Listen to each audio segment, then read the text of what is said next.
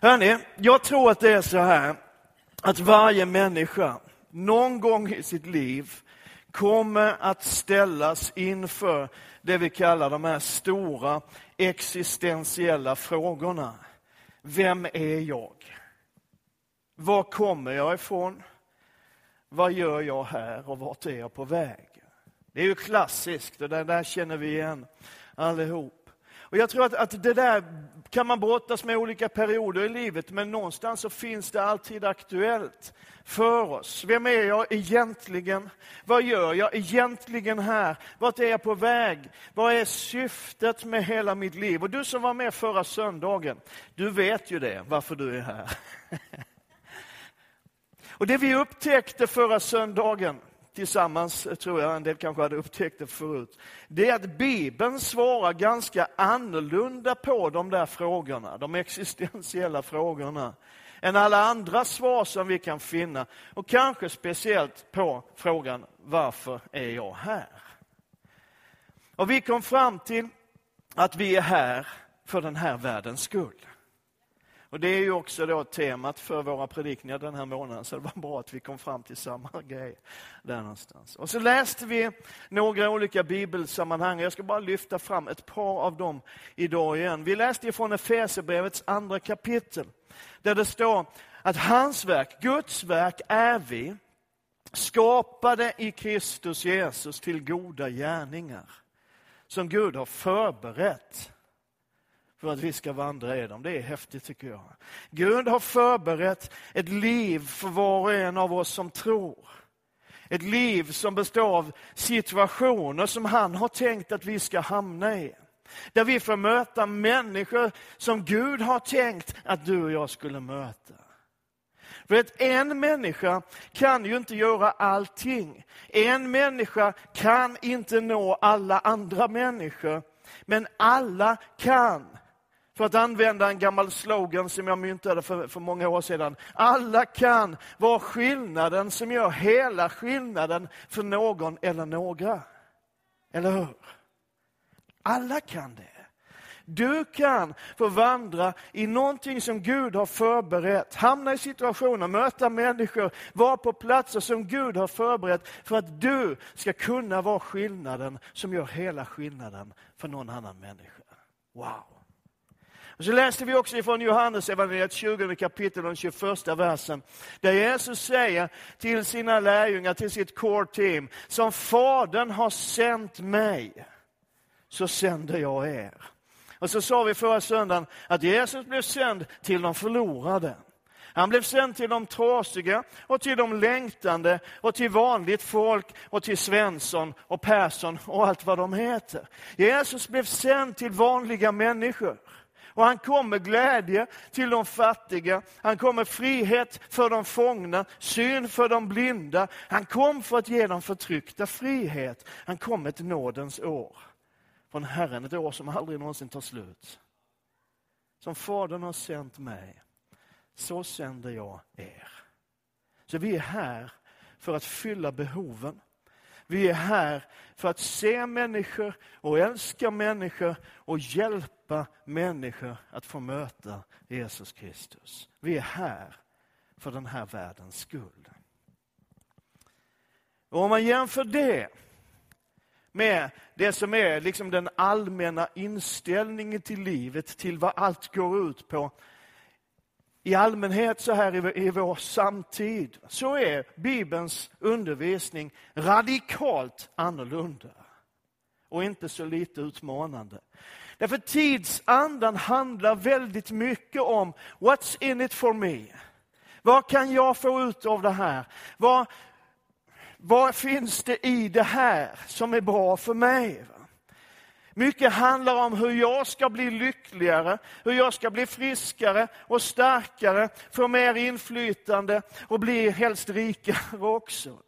Och det finns tusentals böcker och poddar och seminarier och kurser som handlar om att maximera sin potential och få ut mesta möjliga av livet för egen del. En av de saker som Jesus talade väldigt mycket om, ganska ofta är efterföljelse.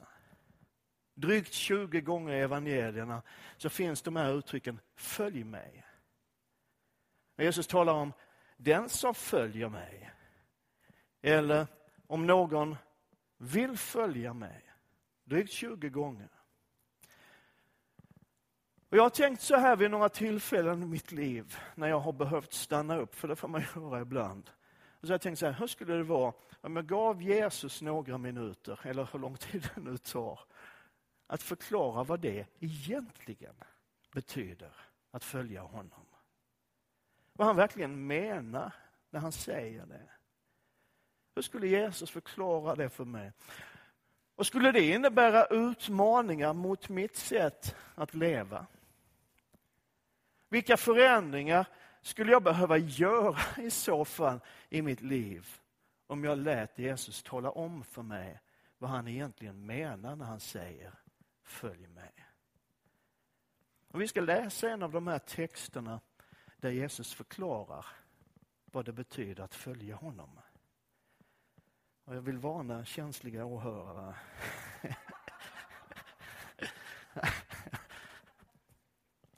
Markus 8 och 34. Så så här. Han kallade till sig folket och sina lärjungar. Och Det här är lite annorlunda, vi ska snart läsa vidare, men det här är lite annorlunda än många andra situationer när vi läser om Jesus. Därför att många gånger så läser vi om hur Jesus faktiskt drog sig undan folkskarorna. Och det verkar som när man läser evangelierna att, att Jesus hade en förkärlek till att tala med människor en och en och ibland i grupp undervisar sina lärare. Men det är inte särskilt ofta som Jesus själv tar initiativet till att samla folket. Folket brukade samlas omkring honom, men här tar han själv det initiativet. Att dra ihop massorna. Det är det han gör den här gången. Och Det är på något sätt som att han ville verkligen att alla ska veta det jag säger nu. De som var allra närmast honom, hans eget team runt omkring honom, hans familj och närmaste vänner. De som var rätt så intresserade och tyckte att han var bra. Men också de i utkanten. Det var som om alla måste fatta det här. Och Jesus hade talat så mycket och så fantastiskt och uppmuntrande om kärlek till Gud, kärlek till människor. Han hade talat om omvändelse om syndernas förlåtelse. Han hade sagt att man kan bli upprättad, man kan komma igen. Det finns ett nytt, nytt liv, det finns en andra chans. Han hade talat om frihet och glädje.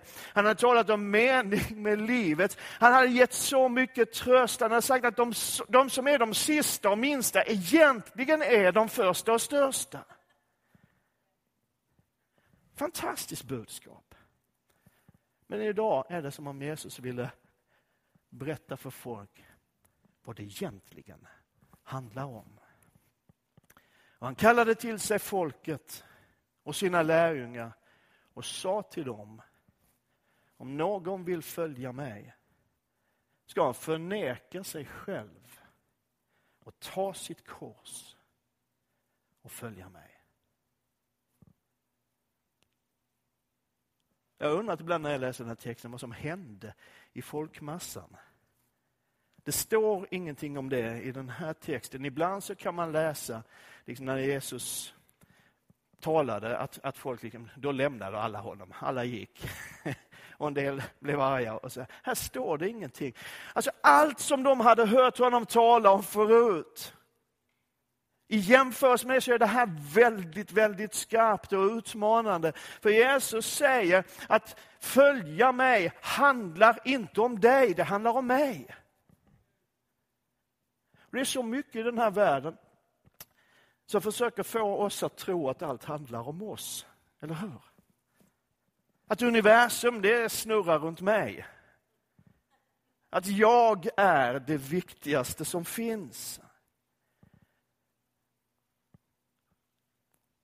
Men Jesus säger att det handlar inte så mycket om dig eller mig, utan det handlar om honom. Att följa Jesus är att gå all in. Att inte bara sjunga det, för det gör vi ofta, utan att faktiskt lämna allt till Jesus. Och någonstans är det väl så att, att det Jesus gör i den här texten strider mot alla idéer om ett säljande budskap. Alla, alla marknadsföringslagar.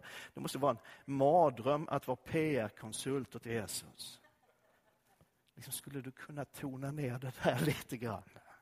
Det här med förlåtelse och kärlek, det är bra. Kör på det. Liksom. Man kan inte med bästa vilja i världen påstå att Jesus i det här läget är speciellt sökarvänlig. Utan han kör på osminkat, brutalt, hänsynslöst, ärligt. Att följa mig handlar inte om dig. Det handlar om mig. Det handlar om vad jag vill. Det handlar om min agenda. Det handlar om mina mål. Det handlar om mina planer. Och Då blir ju frågan någonstans, men varför vill Jesus att vi ska lägga ner våra liv? Varför vill han det? Jo, därför han vill ge oss sitt liv. Han vill ge dig och mig sitt liv istället för vårt liv. Och Du ska veta en sak, att Jesus är helt överlåten till att ge dig det han har lovat. Det är bra, eller hur? Han säger jag har kommit för att de ska ha liv. Liv i överflöd, eller som det stod i den gamla riktiga bibeln från 1917. Liv och övernog. Jag skojar lite, den här är också riktig. Alltså Jesus vill verkligen att du ska leva och leva på riktigt. Fullt ut maximerat med allt vad du är och allt vad du har. Men inte ditt eget liv. Och inte efter dina egna planer. Utan han vill ge sitt liv till dig. För grejen är att om, om hans liv, om det han ger mixas med våra planer och våra idéer och vår bekvämlighet framför allt så blir det inte ett liv i överflöd eller ett liv och övernog. Övernog är ett härligt ord, eller hur? Liv och övernog. Det betyder mer än nog. Det är bra. Liv i all sin fullhet. Om någon vill följa mig ska han förneka sig själv, ta sitt kors på sig och följa mig. Och det Jesus säger i den här texten är, jag begär allt av dig. I hela mitt liv, jag har varit pastor i stort sett i hela mitt vuxna liv, så vuxen jag nu har blivit. I hela, hela mitt liv som pastor, i hela min tjänst, så har jag lagt en jättestor vikt vid, jag har jobbat hårt för en kyrka som tydligt kommunicerar en Gud som inte bara älskar dig, utan faktiskt också gillar dig. Är du med? En Gud som har en plan för ditt liv, en Gud som är full av nåd, som är full av kärlek, förlåtelse, upprättelse, helande, hopp och kraft och mod. En Gud som är inkluderande. Och jag är helt övertygad om att det kommer att fortsätta att vara mitt och församlingens budskap. Ett budskap om passion, både från oss och från Gud. Vi älskar därför att han först har älskat oss. En, ett budskap om hängivenhet och kärlek, om upprättelse, om en andra chans. Men grejen är att i botten av det budskapet, om vi ska gå till själva grundfundamentet fundamentet som bygger allt detta. Som bygger liv i överflöd, som bygger liv i all sin fullhet. Så är det frukten av en total överlåtelse till Jesus Kristus. För att få del av allt det Gud har lovat måste jag ge mitt allt till honom. Vi sjunger Jag lämnar allt, jag nu lämnar allt. I surrender all. Ett liv helt och fullt lagt i Guds händer. Jesus säger ta korset på dig och följ mig. Och det finns ett litet problem på ett sätt med det budskapet och det är att vi vet inte riktigt vad det innebär. Då var det i högsta grad kulturellt relevant att säga så, därför alla visste, alla hade sett, de hade sett de här dömda män och kvinnor vandra genom stan bärande på sitt kors upp mot den där kullen utanför stan. Och alla visste också att bära sitt kors var en vandring mot döden. Och man kan ana lite grann att det budskapet som Jesus levererade den här dagen fick folkmassan att kippa lite efter andan. Kallar han oss att gå mot vår egen död? Förneka sig själv, säger Jesus. Vad betyder det? Vad, är det? vad hos mig är det som jag ska förneka? Du vet, det finns en sorts religiös variant av jantelagen. Eller hur? Hej. Tänk för att det gör det. En sorts självförminskande med andliga förtecken. Liksom att ja, jag kan ju ingenting, jag är bara en människa, vi duger ingenting till. Och om någon någon gång skulle göra någonting som är bra och få lite creds för det, så ja, all ära till Gud. Och det låter väldigt fromt och bra, men någonstans i grunden så är det ett osunt självutplånande. Andra kristna har genom tiderna känt sig kallade in i ett liv av askes. Man har omfattat fattigdomsidealet, man ska inte äga någonting, man ska inte längta efter någonting. Men jag tror inte att det är det Jesus menar. Och för säkerhets skull, jag tror inte heller han är inne på den här buddhistiska tanken om egots död. Det är inte det han pratar om. Och om det då inte är det som Jesus menar, vad är det då han menar? När han säger, förneka dig själv. Och jag tror vi behöver förstå det här. häng med nu, för det här kan vara krångligt. Nu blir det teologi på djupet. typ. Det finns liksom två jag, två själv i texten i det Jesus säger. Alltså vårt ego, vårt jag, eller om man så skulle vilja, den gamla människan för att använda ett, traditionellt pentekostalt begrepp. Den gamla människan, vårt jag, har sina egna drivkrafter. Och i grunden vågar jag påstå, och nu talar jag om mig, inte dig, men jag tror att det gäller dig också. I grunden så är vårt jag, vårt ego, ganska själviskt. Inte sant? Det är ganska lätt för oss att söka vårt eget bästa. Det kommer liksom först på agendan, väldigt ofta, åtminstone för mig. Och mest av allt det vi söker i livet och är ute efter och, och liksom längtar efter, så är det ju bekräftelsen från andra människor. Att någon annan tycker att vi, att vi duger, att vi är bra, att vi är värda att älska och alltihop det här. Vi söker bekräftelse, beundran. Vi söker också, åtminstone jag, bekvämlighet och njutning. Det, liksom, det ligger där någonstans. Men när du blir född på nytt eller kommer till tro på Jesus eller blir frälst, vilket uttryck du nu vill använda, så skapas ju enligt Bibeln en ny identitet, en ny skapelse. Om någon är i Kristus är han en ny skapelse. Det, blir liksom, det skapas ett nytt jag. Det är väl perfekt? Eller hur? Det som är lite jobbigt är att det gamla jaget inte försvinner helt. Inte alldeles, det sticker upp ibland och finns där. Vi är fortfarande syndare. Och vi får fortfarande varje dag, skulle jag vilja påstå, kämpa mot vår egoism och själviska begär. Men den nya människan, det nya jaget, och det är det här som är så, så härligt. Det nya jaget, den nya skapelsen, älskar Jesus mer än bekräftelse från andra människor. Mer än andras beundran, mer än sin egen bekvämlighet och njutning. Så när Jesus talar om att förneka sig själv, så är det den nya människan, den nya skapelsen.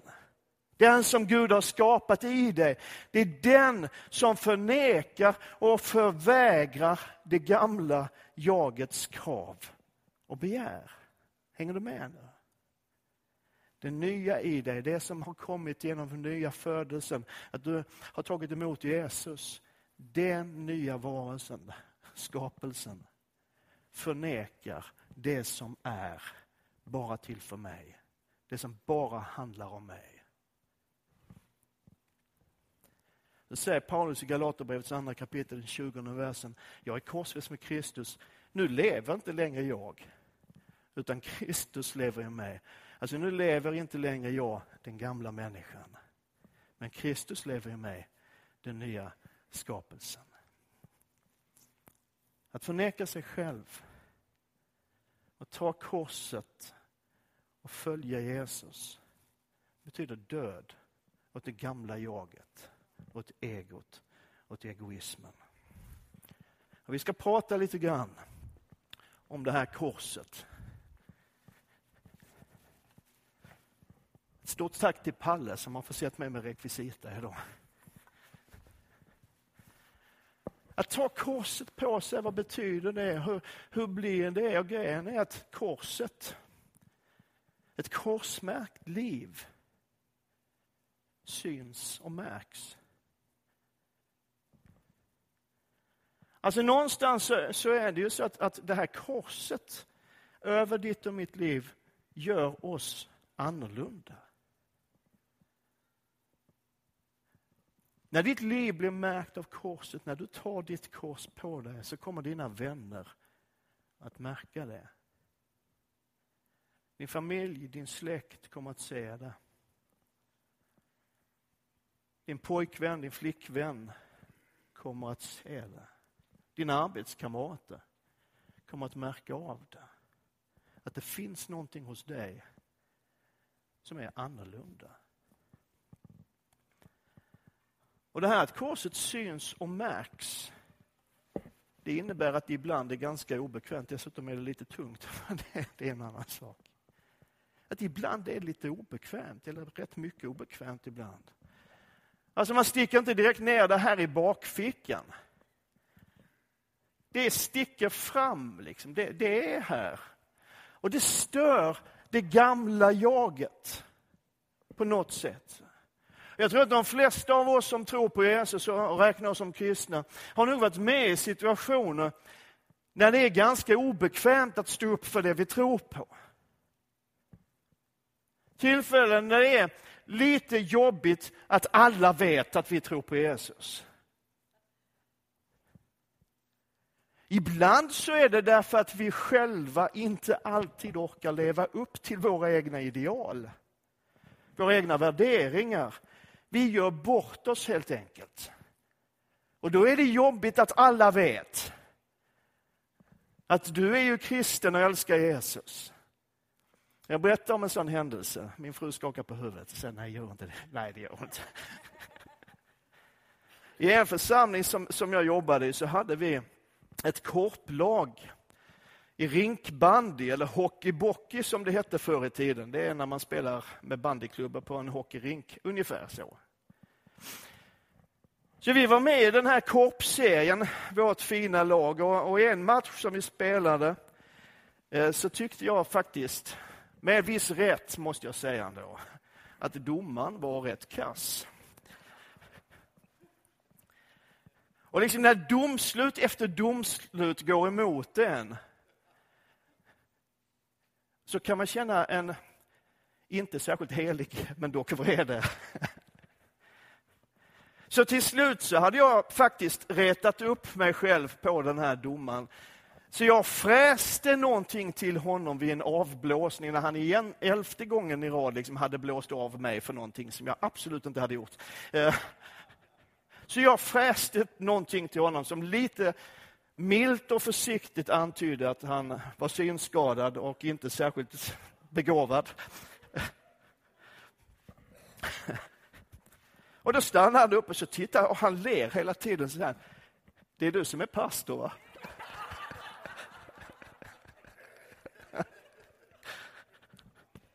Så här, du kan sitta ner, du ska inte spela mer idag. Då är det lite obekvämt att alla vet, eller hur? Men ibland så är det också obekvämt med korset över ens liv därför att det vi tror på och de värderingar som vi tror för med sig går så totalt stick i stäv med den allmänna opinionen. Det är inte alltid den enklaste vägen att stå upp för korset och vad Jesus har gjort och vad Jesus vill. Och det här korset, på något sätt så påverkar det allt, eller borde i alla fall få påverka allt i våra liv. Det är jobbigt det här, eller hur? Korset borde få påverka hur jag är som make.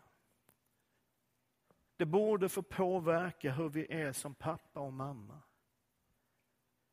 Det borde få påverka hur vi gör affärer och hur vi sköter våra pengar och hur vi använder våra pengar. Det borde få påverka hur vi sköter vårt jobb, hur och kanske vad vi pluggar för någonting. Korset borde få påverka hur vi ser på våra föräldrar, på de som har gått före, hur vi relaterar till våra grannar.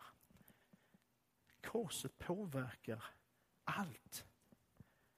Förra månaden så talade vi på temat med andra ögon, om hur vi ser på andra människor, hur vi ser på oss själva. Hur vi ser på våra pengar och på vårt vardagsliv utifrån Guds perspektiv. Och ytterst sett så handlar allt det om ett liv som är märkt av korset. Korset är personligt. Det är ditt kors. På den tiden när Jesus talade här så var det, liksom, det var inte helt ovanlig syn att se de här människorna på väg mot kullen. Det var alltid en person per kors. Korset är personligt. Vet, när du var liten, om du har vuxit upp i ett kristet hem, så när du var liten så kanske det var så att mamma och pappa bad aftonbön med dig. De tog någonstans ett ansvar för ditt andliga liv. Och när du blev lite äldre och kom upp i tonåren så fanns det någon ungdomsledare eller någon ungdomspastor som peppade dig, som bad för dig, som tog hand om dig. Och när du kommer upp och blir en ung vuxen så förhoppningsvis så finns det någon sån här hemgrupps, cellgrupps, bönegruppsledare som är med och ger vägledning. Och du är med i en fantastisk kyrka och du har världens bästa pastorer. Eh, nej, det har du inte. Men du har två rätt så okej okay, pastorer som älskar dig. Det. Men grejen är att det här räcker inte. För att någonstans så kommer varje människa till en punkt där det bara är du och ditt kors. Det är bara du och Jesus. När kallelsen att följa Jesus träffar dig personligen. Ditt personliga kors. När korset betyder död åt ditt ego.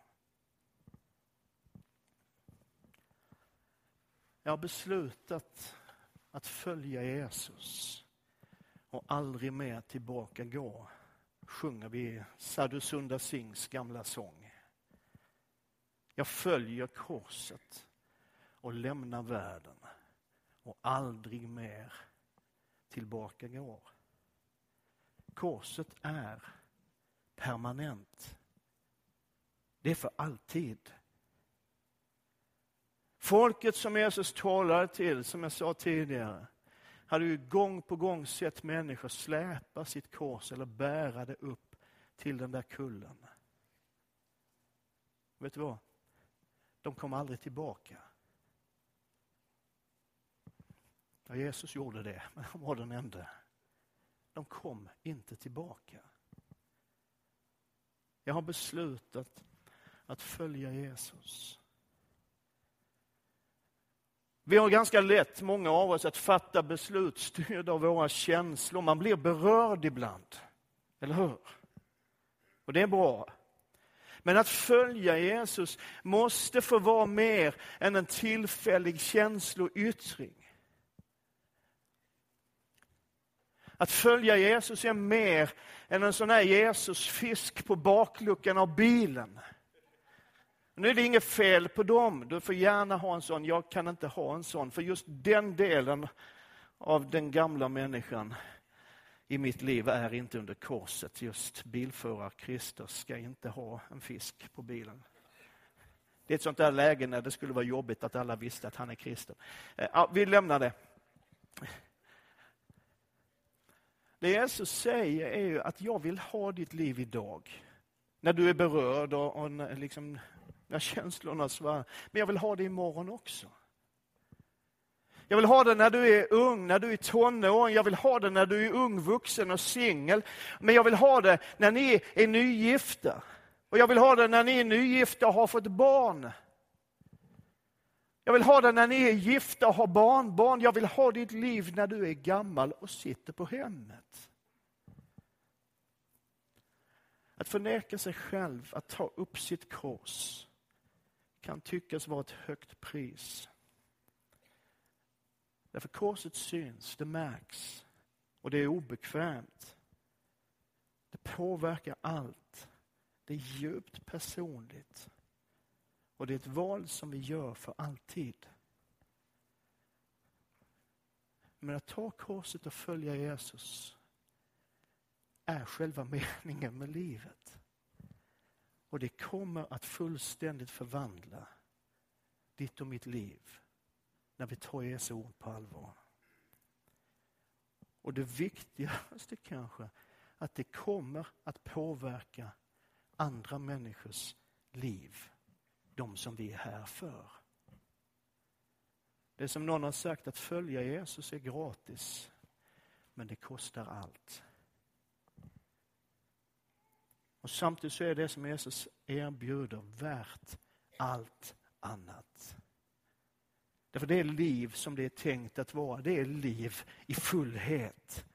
Det är liv med mening. Ett liv som gör skillnad. Om någon vill följa mig ska han förneka sig själv och ta sitt kors på sig och följa mig för den här världens skull. Amen.